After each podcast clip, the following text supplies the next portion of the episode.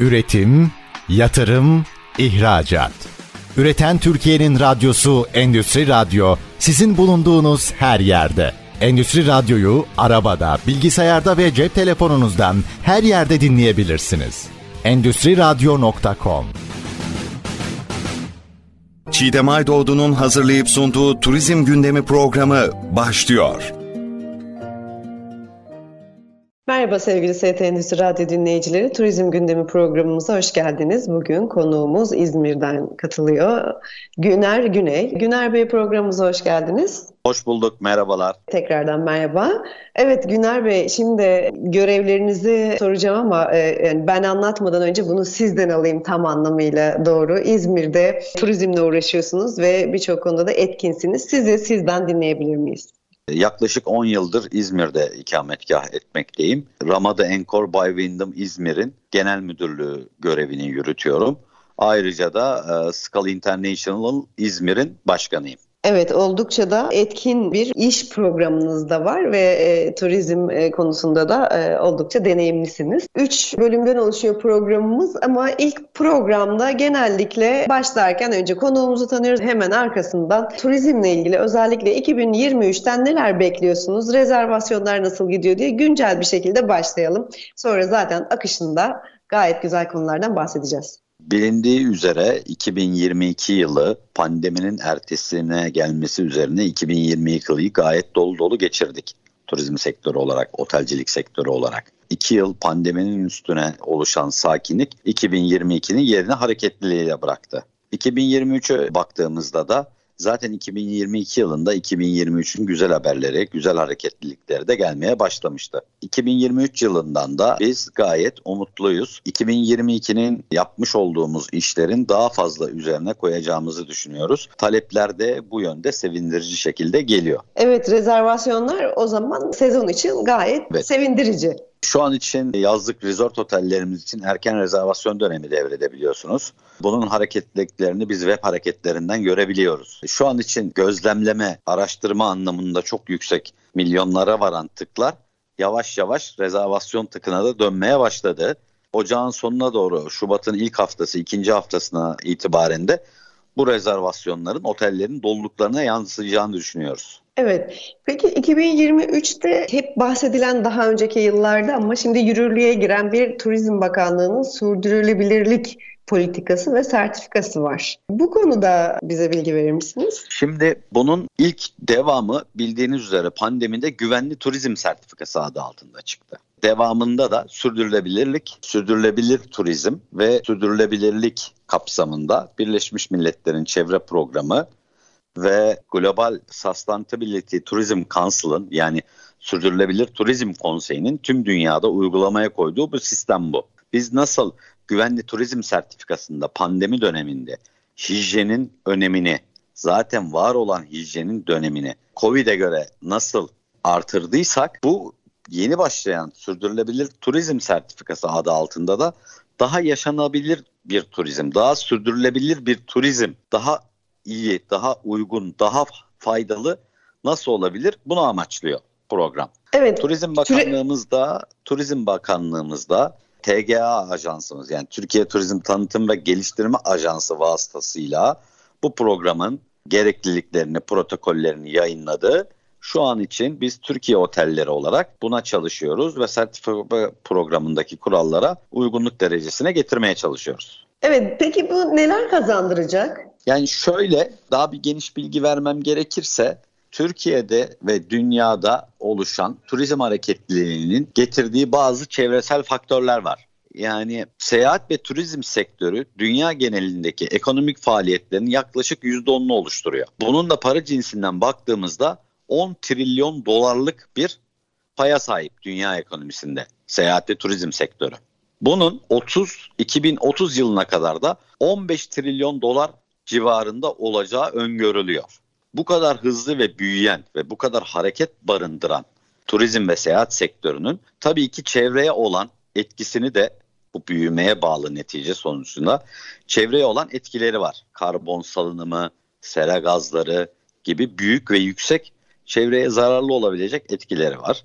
Ve Birleşmiş Milletler ve Dünya Turizm Örgütü'nün sürdürülebilir turizm kapsamında biz bunları ne kadar yavaşlatabiliriz ilk etapta ve bunu nasıl geriye çekebiliriz protokolü adı altında bir takım çevresel, ekonomik, istihdam, yerel kalkınma gibi konu başlıklarında biz bunların üzerine çalışma yapıyoruz. Kaynakların verimli kullanımı, biyolojik çeşitlilik, yerelden kontrol, toplumsal uzlaşı, herkes için erişebilirlik, herkes için aynı tat ve kalitedeki seyahat deneyimini yaşatmak için bir takım çalışmalarını içeren bir program bu. Biz şu an bunlara adapte olmaya çalışıyoruz. Tüm dünya ile beraber. Evet, peki Türkiye'deki otellerimiz ve turizmcilerimiz buna hazır mı? Çünkü ilk etapta bir güvenli turizm sertifikasıyla ben buna bir giriş yaptığımızı düşünüyorum. Dünya ile entegre olup zaten var olan hijyen, temizlik kriterlerimizi üst düzeye ulaştırdığımızı düşünüyorum. Onun devamında da bu sürdürülebilir turizm sertifikası kapsamında da otellerimiz bu yıl bunlara hazır hale gelecektir. Çünkü biz turizm sektörü olarak piyasanın verdiği aksiyonlara çabuk uyum sağlayan bir sektörüz. Bununla da hızlıca aksiyon alacağımızı düşünüyorum. Evet, sözlerinizin arasında e, yerinde yönetim gibi, yerinde uygulama gibi, yani bölgesel turizmin hareketleri gibi cümleler de geçti. Türkiye genelindeki mesela Akdeniz'de e, turizm konusunda hiç sıkıntımız yok, Ege'de yok, Karadeniz yavaş yavaş farklı bir alternatif turizmle e, farklı bir şekilde gelişiyor. Tüm bölgeler için neler öneriliyor ve sizin bu konudaki gözlem, gözlemlerinize dayalı öngörüleriniz nelerdir? Bildiğiniz üzere Çiğdem Hanım Türkiye bir turizm cenneti. Her bölgenin, her şehrin bir kendine has bir turizm dokusu, kendine has bir kültürel geçmişi var. Bunu merkezden yönetmek zaman zaman bürokrasi diye tabir ettiğimiz işleri yavaşlatan bir kapsamda oluyor. Eğer biz bunu yerelden yönetimi bir bütünlük çerçevesinde tabii ki yerelden yönetimi ve yerelden kontrolü sağlayabilirsek hem hızlanmış olacağız hem bölgenin turizm gelişimindeki konularına bölge halklarının ve topluluklarının da katkısıyla hızlı bir aksiyon alıp daha fazla bir ta- tanıtım hata yapacağını düşünüyorum. Evet buradan anlıyoruz ki yerel yönetimlere görev çok düşüyor. Evet, evet. İzmir özelinde de belediyemiz, valiliğimiz, ticaret odamız e, bu konuda her zaman bizi desteklemiştir. Her zaman da yardımcı olmuşlardır. Evet, peki sivil toplumun buna katılışı nasıl? Mesela meslek örgütlerinden yeterince proje gelmediği veya bu konularda e, birlikte hareket etme noktasında katılımın düşük olduğu konusunda daha önce bazı yorumlar almıştım. Siz bunu nasıl değerlendiriyorsunuz ya da bölgenizde nasıl? Şimdi İzmir özelinde ve Ege özelinde baktığınızda Türkiye Otelciler Federasyonu var, Trofet. İzmir'deki hı hı. kurumumuzun adı Etik'tir. Ben oluşumunda içerisindeyim. Ayrıca başkanlığını yürüttüğüm Skal International İzmir'in başkanlığını yürütüyorum. E, Çeşme'deki derneklerimiz var, Alaçatı'daki derneklerimiz var. Biz hepsiyle beraber bütüncül bir şekilde çalışarak güzel işler, ortak projeler görüşüyoruz. Zaman zaman tüm başkanlarımızla toplantılar yapıyoruz. Nasıl geliştirebiliriz? Nasıl ilerleyebiliriz? O toplantıdan çıkan sonuçlarımızı şehrin yerel idarecileriyle paylaşıyoruz. Belediyemizle, valiliğimizle, ticaret odamızla. Beraber Ege bölgesi ve İzmir bölgesi için güzel bir enerji ve güzel bir sinerjiyle çalıştığımızı söyleyebilirim. Çalışmalarda bu şekilde daha hızlı uyum sürecini yakalamış oluyor. Kesinlikle, kesinlikle daha hızlı aksiyon alabiliyoruz diyebilirim. Evet, bu sürdürülebilir turizm diyoruz. Ee, daha önce bunu böyle alternatif turizm diyorduk, işte değişik terimlerle anlatıyorduk. Tam olarak sürdürülebilir turizmin kapsadığı alan ve tanımı nedir? Şöyle söyleyeyim, şimdi sürdürülebilir turizm dediğiniz zaman bu terimin içine birçok şey giriyor. Mesela e, sürdürülebilir otel, sürdürülebilir turizm ürünleri, sürdürülebilir sistemler, sürdürülebilir şehir, slow city gibi sessiz, sakin, yaşanabilir bir kent anlamına gelmektedir. İzmir'de de Seferihisar tarafı bizim sessiz şehir yani sit the slow dediğimiz turizmin bir parçası olan tanımlamanın içine girer. Bu şekilde söyleyebilirim. Yani sürdürülebilir dediğimiz aslında sürdürülebilirlik geçmişin geleceğe olan mirası olarak tanımlıyorum ben. Geçmişten gelen kültürel değerler ve farklılıklarımızın çevresel faktörlerle içine de alarak günümüz şartlarında modernize edilerek devam ettirilmesi gibi. Çünkü biraz önce de bahsettiğim gibi insan etkileşiminin bulunduğu bölgelerde çevrede bozulmalar, kültürel bütünlük, ekolojik süreçler, biyolojik çeşitlilik, insanların var olan sistemde yaşamlarını idare ettirebilme isteği ve bu kaynakların daha faydalı ve daha geri dönüşümsel kaynaklara dönüştürülerek yönetildiği bir yaklaşım tarzı diyebilirim ben sürdürülebilirliğe. Evet yani turizmde hem bu alışkanlıklarda hem de birçok açıdan tüketmek yerine geliştirmek anlamını e, tamamlıyor gibi. Kesinlikle, kesinlikle. Tüketmekten ziyade dediğiniz gibi Çiğdem Hanım, tüketmekten ziyade üreterek ve geliştirilerek daha iyi yerlere getirmek en büyük gayemiz. Evet. Bazen şöyle bir şey var hani daha önceden de tarihi bir sürü bina yapı, modern yapıyla yıkılmış 90'larda, 80'lerde ve yerine yeni yapılanlar eskiyi aratır olmuş. Evet. E, bu bu birçok yerde böyle, e, birçok konuda bu böyle. O nedenle de evet sürdürülebilirliğin tam olarak anlatabilmesi ve korumayı da kapsaması oldukça önemli. Tabii ki.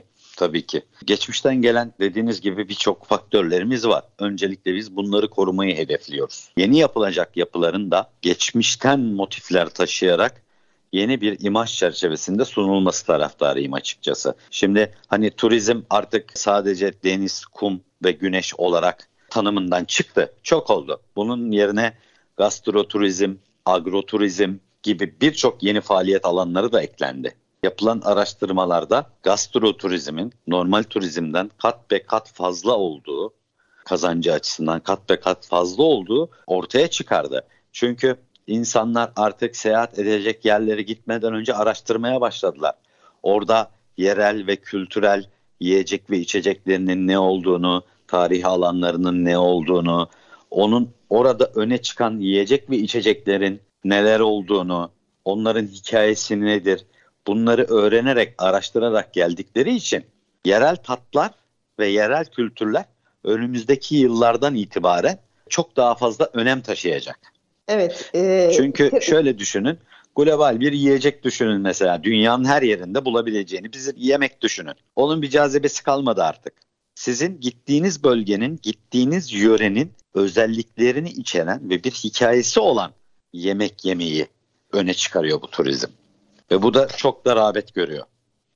Evet, bununla ilgili de birçok örneklerimiz var ülkemiz adına ama önce kısa bir reklam arası veriyoruz. Daha sonra tekrar buradayız. Üretim, yatırım, ihracat. Üreten Türkiye'nin radyosu Endüstri Radyo sizin bulunduğunuz her yerde. Endüstri Radyo'yu arabada, bilgisayarda ve cep telefonunuzdan her yerde dinleyebilirsiniz. Endüstri Radyo.com Evet sevgili ST Endüstri Radyo dinleyicileri Turizm Gündemi programımızda konuğumuz Güner Güney ile e, sohbete devam ediyoruz. Güner Güney Ramada Encore Bay Wyndham İzmir Genel Müdürü ve Skal İzmir Başkanı. İlk bölümde biraz sürdürülebilir turizmle ilgili konulara değindik. Şimdi ikinci bölümümüzde de evet trendler değişse de Türkiye'nin ve bölgelerimizin, şehirlerimizin buna hazırlığı üzerine sorularım olacak. Alan genişliyor. Daha önce kitle turizmi ve bölgede belirli bölgeler turistlerle turizm yapılırken bir alan vardı ve o alandan zaman zaman da şikayetçiydik turistlerden katma değerli bir şekilde faydalanamıyoruz diye. Şimdi alanımız genişledi ama burada da e, iki tane konu oldu. Bir gelenin misafirimizin güvenliği, ikincisi geldiği bölgenin korunması. Evet. Burada hazır mıyız biz bu duruma? Genel anlamda alanın genişlemesine, bu e, alternatif turizmle birlikte kaynaklarımızın sürdürülebilirliğini sağlamaya da hem eğitim hem de sosyal sorumluluk bilinciyle hazır mıyız? Şöyle bildiğiniz gibi insanlar insanlık dönemin şartlarına göre kendi hayatlarını evrildikleri için ve o mevcut olan duruma hızlıca adapte oldukları için bu yaşamış olduğumuz son 3 seneyi değerlendirdiğimizde turizmin de başka yönlere doğru evrildiğini hepimiz şahit olduk. Çünkü önümüzde 2 sene gibi çok kötü örneği olan bir daha asla yaşamak istemediğimiz bir pandemi süreci vardı. Pandemi süreçlerinde de hani tatil durdu mu? Hayır durmadı. 2020'de de 2021'de de insanlar tatile çıktılar. Ama daha çok kalabalık kitlesel turizm gruplarının yerine alternatif olarak mesela bir yayla turizmi parladı. Bir daha daraltılmış, daha sıkıştırılmış kitlelerin yaptığı turizm çeşitliliği arttı. Yayla turizmi, glamping dediğimiz karavan turizmi, kamp turizmi, daha çok bireyselleştirilmiş, daha küçültülmüş ailesel tatillere çıktık. Kalabalıkların içine karışmak istemedik. Böyle olunca da bilinenin dışındaki alanlara, genişleme alanlarına kaydı bizim Türkiye'mizin turizm potansiyeli. Ülkenin keşfedilmedik yerleri, daha önce hiç ayak basılmamış ya da az rağbet gören yerleri daha çok önem kazandı bilindik yerlerin dışında. Ve bu şekilde baktığınızda bu da süreklilik ve tanımlılığı artırdığı için bu da bir kazanım oldu turizm için. Biz bunları koruyup hep de dediğim gibi ilk önce korumalıyız. Ondan sonra geliştirmeliyiz dediğim deriz hep. Biz bunu başardığımıza inanıyoruz bu son tahlilde. Evet özellikle de Ege bölgesinde bu konuda bir de halk yöre de turiste alışkın. Yani evet. herhangi bir yerde bir yabancı kişi gördüğünde kişi bunu normal olarak karşılıyor ama şu anda bu son zamanlarda özellikle de dağ başında bir köyde yöre dilini bilmediği insanlarla yüz yüze gelerek nasıl davranacağını bilmediği durumlar çıkabiliyor. Tabii bizim Türk kültürü ve Türk yapısı olarak Türk misafirperverliği dediğimiz yurt dışında da bayağı güçlü imajı olan Turkish Hospitality dediğimiz kavram burada devreye giriyor. Hiç birbirinin dilini anlamayan turistlere bile biz bir şekilde anlaşıp onlara yardımcı olabiliyoruz. Onların sorunlarını çözebiliyoruz. Bu misafirperverlik, Anadolu geleneğinden gelen misafirperverlik başka hiçbir Türkiye halk, başka hiçbir dünya halklarında yok. Bu bizi en önemli yapan, en fazla öne çıkaran özelliğimizdir. Farkındaysanız son dönemlerde de Avrupa ve dünya çapında Türk otel yöneticilerinin ciddi bir yükselişi var. Çok güzel meslektaşlarımız çok önemli yerlerde Avrupa'da ve dünya çapındaki otellerde ya da turizm oluşumlarında çok önemli görevler görevdedirler. Bunun büyük katkısı olduğunu düşünüyorum. Evet, burada e, elbette ki yetişmiş ve ha, konusuna hakim e, sizin gibi değerli turizmcilerin olması çok önemli. Sağ olun, hem, teşekkür ederim. Hem Türk turizmine hem de uluslararası turizme hakim. Peki bu şimdi önüm 2023'ün trendleri arasında neler var? Yine tabii ki deniz, kum, güneş her zaman birinci sırada. Evet, şöyle söyleyebilirim. İç turizmimiz gene çok hareketli olacak iç turizmimiz. Bir de dijitalleştirme, dijitalizm artık çok hayatımızda. Onun çok önemi etkisi olacak. Uluslararası seyahatlerimiz artırılacak. Personelimize burada yeni görevler ve yeni roller düşüyor. Bunu geliştirmek için neler yapabiliriz? Onları düşünüyoruz. Doğa tatili ön, en önde şu an. Outdoor ve doğa sporları büyük rağbet görüyor. Pandeminin etkisinden sonra insanların e, insanların çok hoşuna gitti bu doğa ve outdoor spor alanlarının verdiği haz. Doğaya dönüyoruz dediğim gibi gibi şeyler daha çok öne çıkacaktır. Evet, karavan turizmi e, şu anda e, belirli bir ölçüde devam ediyor. Türkiye'de talep oldukça fazla. Burada da daha çok böyle park alanları gibi ve e, onların bulunduğu alanlardaki küçük hizmetler gibi evet. e, şekilde tesislerle yürüyor. Burada böyle tesislerin e, zincir tesisler oluşması, ondan sonra burada da bir e, standart oturtulması gibi ya da büyük böyle otellerin de bu tarz benzer yatırımların olması e, gibi konular söz konusu olabilir mi? Olabilir, olabilir. Şöyle ki bu pandeminin devamında gelen daha bir izole konaklama yani bundan kastım nedir? Otel odasında kalmaktansa daha izole olacak bir villa kiralama öne çıktı bu dönemde. Villa kiralamalar, çadır kiralamaları, karavan kiralamaları. E tabi bu da onunla beraber değişik problemlerini de yerine getirdi ve biz bunları hızlıca çözdük. Evet, mesela bu alanda şöyle güvenlik e, meselesi ve bir de kalite meselesi. Mesela genel anlamda baktığınızda Türkiye'de de Avrupa'da da bu tarzda maliyetli bir karavan turizmi oldukça maliyetli de bir sektör baktığınızda evet. ve e, her yerde bakımı yok, her yerde konaklanamaz. E, konakladığınız yerlerde belirli nitelikler arıyorsunuz. O nedenle de e, evet bu konuda biraz daha önümüzdeki yıllarda sanırım beklentileri karşılayacak tesislere ihtiyacımız olacak. Kesinlikle yani bir karavan parkı yaptığınız zaman sizin hemen onun etrafında karavanların ihtiyacı olan elektriği verebilmeniz lazım en basitinden. Bir su tankınız olması lazım. Temizlik için birçok materyalinizin olması lazım. Zaten bunların nasıl olacağı ve ne şekilde işletileceğine dair Turizm Bakanlığımız yayınladığı marka standartları çerçevesinde bunlar sürekli kontrolü ve denetimi yapılan turizm çeşitlilikleri tabii ki bu seneden sonra daha çok artacaktır. Çünkü gelişen turizm trendlerinde yarı turist diye bir kavram girdi hayatımıza. Yarı turist ne demek? Haftanın belli bir bölümü evinden çalışan, diğer bölümünde de başka bir ülkede bile çalışabilecek nitelikte iş, iş meslekleri doğdu. Biz bunlara dijital göçebe de diyoruz aynı zamanda. Dijital göçebelik günden güne artıyor. Yani bir ofise, bir iş merkezine, bir plazaya bağlı kalmadan da çeşitli teknolojik aletlerden de aletlerle beraber işlerini yürüten insanlara diyoruz biz dijital göçebe. Yani ben bugün İzmir'de işlerimi yürütebiliyorum. Yarın İstanbul'da yürütürüm. Hafta sonu Paris'e gidebilerek orada da işlerimi yürütebilecek potansiyelde olabilirim gibi düşünen birçok insan oldu bu son dönemde hayatımızda. Biz bunlara yarı turist yani dijital göçebe de diyoruz.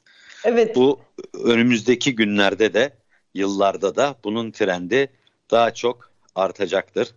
Kitle turizmi de yavaş yavaş yerini daha çok münferit ve bağımsız seyahate. Çünkü biraz önce bahsetmiştim daraltılmış artık çok kalabalık seyahat sevmiyoruz dünya çapında. Daraltılmış münferit bağımsız seyahatler artıyor. Görüntülü biliyorsunuz birçok platform var. Görüntülü konuşabildiğimiz, görüntülü birbirimize dosya alabildiğimiz, gönderip alabildiğimiz bir sürü de platform girdi hayatımıza bu pandemi döneminde. Bu da kendi içinde evrilerek hibrit modelleri yarattı.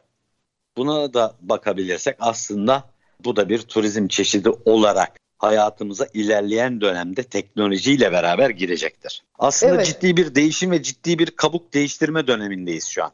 Evet. Mesela e, dediğiniz çok doğru. Bura mesela daha önce işte bir otelde olmazsa olmaz neydi? Kahvaltı mutlaka veriliyordu. Akşam yemeği mutlaka vardı. Evet. Şu anda ben bir araştırma yapıyorum. İşte fiyat teklifleri falan da alıyorum otellerden. Süreçte şöyle hiç e, bir şekilde yiyecek vermeden sadece otel odası ve işte suyu, meşrubatı o kadar fiyat veriliyor. Evet doğru. Doğru. Eskiden şehir otellerinde %80, e, %90 oranlarına kadar biz bir oda sattığımız zaman kahvaltıyla beraber satardık. Ya da öğle yemeğiyle ya da akşam yemeğiyle beraber satardık. Şimdi yiyecek taraflarından hiç talep bir talep almadığımız bir dönemdeyiz. Sadece oda fiyatı veriyoruz ve bunda da ciddi bir artış var. Evet yani burada talepler sistemi aslında e, değişimine yardımcı oluyor. Evet, evet.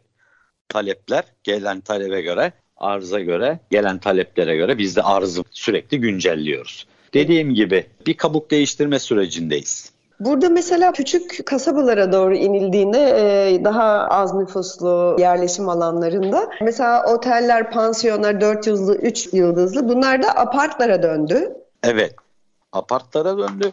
Çünkü tüm dünyadaki rahatlamayla beraber bazı tatiller, bazı tatiller bu biraz önce bahsettiğim gibi yarı turist, dijital göçebelerin tatil süreleri uzadı. Tatil süreleri de uzadığı için bir aya, iki aya yakın tatil süreleri var artık günümüzde tüm dünya çapında. Böyle olunca o küçük kasabalarda sizin de tam bahsetmiş olduğunuz gibi odalar insanlara yetmemeye başladı ve apartlara dönmeye başladı trend. Küçük şehirlerde ve kasabalarda. Evet, Evet, özellikle İstanbul'dan yazın iki ay boyunca işte mesela banka çalışanları tamamen tele bu çağrı merkezleri tarzında ve dijitalden cevap verenler veya yine şirketlerin aynı şekilde olanlar en az iki ay İstanbul'dan uzaktalar. Evet, evet. Günümüzde hala o büyük büyük firmaların çağrı merkezleri hala evden çalışıyorlar.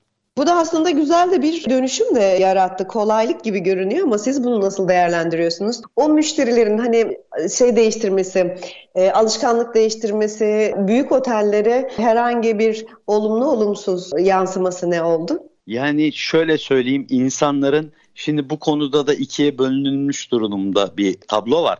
Evden çalışmak çok keyifli diyen bir kesim var ama tekrar eski alışkanlıklarına yani ofise gitmek isteyen de bir kesim var. Ama bana soracak olursanız ev ortamında olduğunuz zaman daha yaratıcı ve de rahat olursunuz. Daha güzel işler çıkartırsınız. Bu evden çalışabilecek sektörler için tabii ki. Bizim sektörümüz için asla geçerli olmayacak otelcilik. Ayrıntı parantez şehirlerdeki hareketliliği azaltmanın da doğaya büyük katkısı var. Eminim pandemide haberlerde görmüşsünüzdür ya da okumuşsunuzdur. Doğanın 20 yılda yapacağı kendine yapacağı temizlik 2 yılda gerçekleşti. Bazı denizlerde Viyana'daki o kanallardaki balıklar görülmeye başlandı. Eskiden görülmüyordu kirlilikten. Şimdi su berrak, balıklar görülmeye başlandı. Bence ben bu hareketi olumlu buluyorum. Şehirdeki hareketliliği azaltmanın doğaya büyük katkısı var. Doğanın kendini yenilemesine daha çok imkan veriyoruz. Yani ben evden çalışmayı destekleyen kesimdenim diyebilirim. Evet. Yine kısa bir reklam arası. Üçüncü bölümümüzde tekrar görüşmek üzere. Üretim, yatırım, ihracat. Üreten Türkiye'nin radyosu Endüstri Radyo sizin bulunduğunuz her yerde. Endüstri Radyo'yu arabada, bilgisayarda ve cep telefonunuzdan her yerde dinleyebilirsiniz. Endüstri Radyo.com Evet sevgili ST Endüstri Radyo dinleyicileri, Turizm Gündemi programımızın 3. bölümünde yine konuğumuz Güner Güney ile sohbet etmeye devam ediyoruz. Konuğumuz İzmir'den katılıyor. Ramada Encore by Wyndham İzmir Genel Müdürü ve Skal İzmir Başkanı. İlk iki bölümde sürdürülebilirlik konusu üzerine ve değişen turizmdeki trendler üzerine konuştuk. Üçüncü bölümümüzde de ben Skal bir başkanı olarak yapacağınız hem 2023 hem 2024 etkinlikleri hakkında bilgi almak isterim. Teşekkür ediyorum. İlk önce skal nedir, ne demektir ondan biraz bahsetmek isterim. Dünyadaki skal hareketinden bahsetmek isterim. Skal, dünya turizm profesyonellerinin küresel turizm ve arkadaşlığı yaymaya çalıştığı uluslararası en yaygın ve en eski turizm örgütü turizm profesyonelliğini geliştirmek ve üye kazananlarını artırmak amacıyla düzenlenen seminer, konferans ve benzeri organizasyonların yapılmasını teşvik ediyoruz. Dünya çapında SKAL 1934 yılında kurulmuştur. Şu an içinde tüm dünyada yaklaşık 90 ülkede 120 kulüp ile yaklaşık 15 bine yakın üyesi vardır. Oldukça etkili bir e, yapı. Dünya turizm sektöründe söz sahibi olan bir yapıdan bahsediyoruz. Bir tane de sandalyemiz Dünya Turizm Örgütü'nde de vardır. Türkiye özelinize baktığımızda da Türkiye'de yaklaşık 14 tane skal kulübü var. İzmir'de bunlardan biri. İlk kurulan kulübümüz İstanbul, Ankara ve İzmir olarak devam ediyor ve geçmiş yıllara gelen geçmiş yıllardan bu yana da yaklaşık 14 kulübe Türkiye'de ve yaklaşık 1000 üyeye ulaşmış durumdayız. Başka bir önemli başarı hikayesinden bahsedecek olursam da e, bu Scala International'ın her sene bir ülkede dünya kongresi yapar. Skal International Dünya Kongresi yapar. Bir oylama usulü yapılan bir seçimdir. Ülkeler buralara başvururlar, Skala başvururlar. Dünya Turizm Kongresi'ni e, kendi ülkelerinde yapmak için başvururlar ve dünya üzerindeki de 320 kulüp başkanı oylar. Biz ne mutlu ki 2024 Dünya Kongresi'ni kazanan şehiriz. İzmir'deyiz ve İzmir'de 2024'te Dünya Kongresi'ni gerçekleştireceğiz. Bu oldukça çok önemli. Hem tebrik ediyorum hem de hazırlıklar nasıl gidiyor, neler çok var teşekkür gündemde? ediyorum. Şimdi kongrenin oluş bakımına baktığınızda dünyada ses getiren bir kongre. Çünkü bizim e, 2024 İzmir Kongresi'nde yaklaşık bin SKAL üyesi turizm profesyonelini bekliyoruz İzmir'e. Bu ne demek? Yani dünya çapındaki alanında uzman CEO'lar, genel müdürler, işletme sahipleri, otel sahipleri, yatırımcıları biz 2024'te İzmir'de ağırlayacağız. Bin kişiyi. Bu İzmir'e yatırım demek İzmir'in dünya çapında duyulmasını sağlamak demek. Bu Türkiye turizmine büyük bir katkı demek. O yüzden de açıkçası mutluyuz ve gururluyuz. Kesinlikle bence de Türkiye için önemli bir başarı. Evet. evet. Hazırlıklarımıza devam ediyoruz. 2024 Ekim'de gerçekleştireceğiz bu kongreyi burada. Hazırlıklarımıza devam ediyoruz. Yaklaşık 5 gün sürecek bir kongre bu. Bin kişi ağırlayacağız. Otellerin doluluk oranları artacak. Civardaki esnaflar faydalanacak. Bu anlamda biz Va İzmir Büyükşehir Belediye Başkanımızdan, Ticaret Odası Başkanımızdan, valiliğimizden ve tüm İzmir'deki STK'larımızdan da büyük destek alarak yapıyoruz. Bu anlamda da çok mutluyuz. Şehrimize ve ülkemize faydalı bir kongre kazandığımız için, kazandırdığımız için. Evet, kesinlikle başarılı bir süreç olacağına kesinlikle inanıyoruz. Evet. Şu anda tabii ki bin yakın üyeden bahsediyoruz yani e, ve Ekim ayında e, olacak olması da 2024'te evet. sezon sonrası büyük bir hareketlilik getirecektir. E, merakla bekliyoruz. Biz de elimizden geldiği kadarıyla hazırlık yapıyoruz. Sadece İzmir özelinde değil tüm Türkiye'nin önemli yerlerine de turlar düzenliyoruz. Kapadokya, İstanbul, Antalya gibi yerlere buraya gelmiş olan o bin seçkin kişiyi Türkiye'yi daha iyi tanıtabilmek, sesimizi dünya arenasında daha iyi duyurabilmek ve misafirlerimizi daha iyi ağırlayabilmek için bütün detayları düşünerek hareket ediyoruz. Evet, çok önemli bir görev yani Türkiye için ve gerçekten de hem keyifli hem de meşakkatli bir sürece girmiş bulunuyorsunuz tabii ki. Evet, evet. E, Turizm Bakanlığımızın da büyük desteği var. Sayın Bakanımızla da biz birebir görüştük İzmir'e geldiğinde. Kendisinin de bize büyük desteği var. Kendisi de arkamızda. Böyle bir olaya güvendiği için de bizlere güvendiği için de başta Turizm Bakanımız olmak üzere tüm şehrimizin idarecilerine, STK başkanlarımıza da teşekkür ediyoruz ayrıca. Burada tabii ki şöyle bu süreçleri yürütürken ve 2024'de hazırlanırken e, dünyanın da e, içinde bulunduğu bu turizmle birlikte tabii birçok konu e, değişiyor. Bir farkındalık artıyor, dijitalleşmeyle birlikte doğaya dönüş, buna benzer birçok konu. Dünya trendleri ne tarafa doğru gidiyor? Mesela şu geçenlerdeki bir konuğumla da şunu konuşmuştuk. Avrupa'da birçok şehire turist girişini ücretli veya kontrollü talepleri var. Evet, yanlış hatırlamıyorsam o şehirde Barcelona'ydı galiba başlangıcını yapan şehirlerden bir tanesi evet. Evet mesela Barcelona'da şu an için otel inşaatları durdurulmuş durumda. Çünkü şimdi turizm dediğiniz yerde büyük hareketlilik oluyor. Bunun da tabii başta çevresel olmak üzere birçok yere de hem olumlu etkisi bazen de olumsuz etkileri oluyor. Bunu da kontrol altına almak adına bazı önlemler almak şart oldu. Çünkü dünya çapında 8 milyarın 4 milyarını hareketliliğinden bahsediyoruz. Bu konuda da yapılan yasalaşmaya ve konulan kurallara tamamıyla katıldığımı da eklemek istiyorum tabii ki.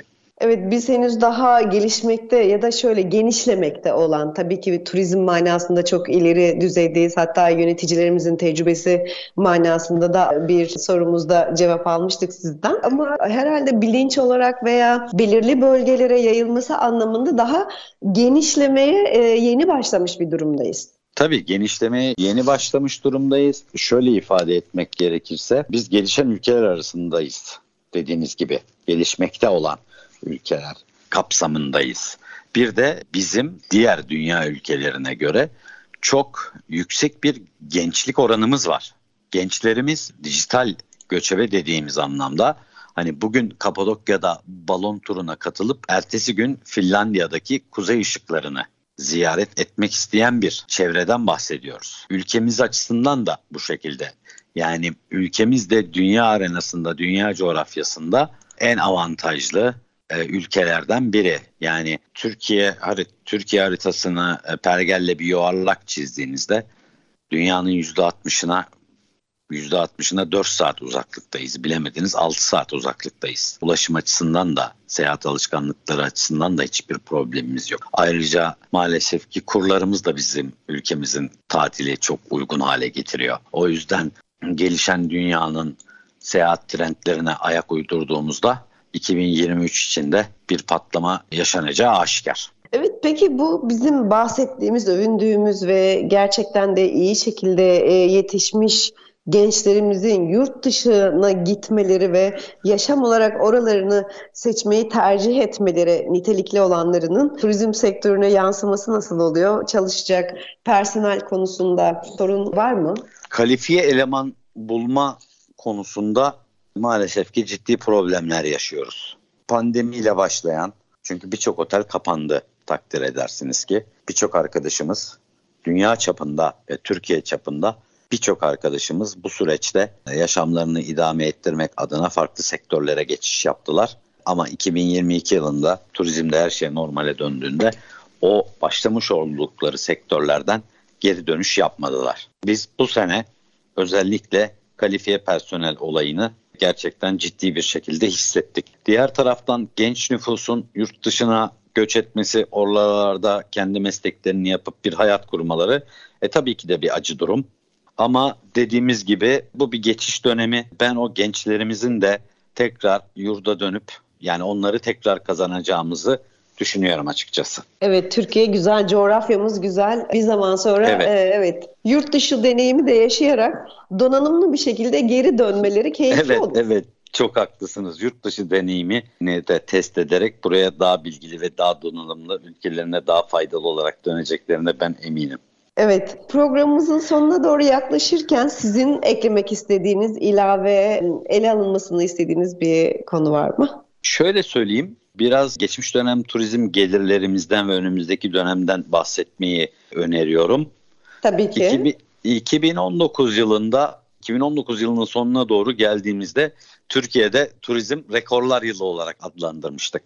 Yani yaklaşık 51 milyon turist ve 34 milyar dolar gelir tarihin yani şimdiye kadarki turizm tarihinin en önemli geliriydi ve 2020 yılında da bunun üstüne koyarak yeni bir rekor kırmak amacıyla biz bütün planımızı, bütçelerimizi yapmıştık. Tabii bunları yaparken hiçbir zaman pandemiyi de hesaba katmadık. Evet. 2019 yılında 2020'de 12,5 milyar dolara düştü bizim turizm gelirimiz 34,5 milyar dolardan. 2021'de biraz toparladık 24 milyar dolara çıktı. 2022'de de 2019'un verilerine yaklaşıp hatta geçerek 46 milyar dolar seviyelerine geldik. Ve yaklaşık da 52 milyon turist ağırladık geçtiğimiz sene. 2023'te de herhangi bir doğal afet ya da pandemi çıkmayacağını varsayarak planladığımızda 2023'ün rekorlar yılı olacağını söyleyebilirim Türkiye adına sevindirici bir gelişme olarak.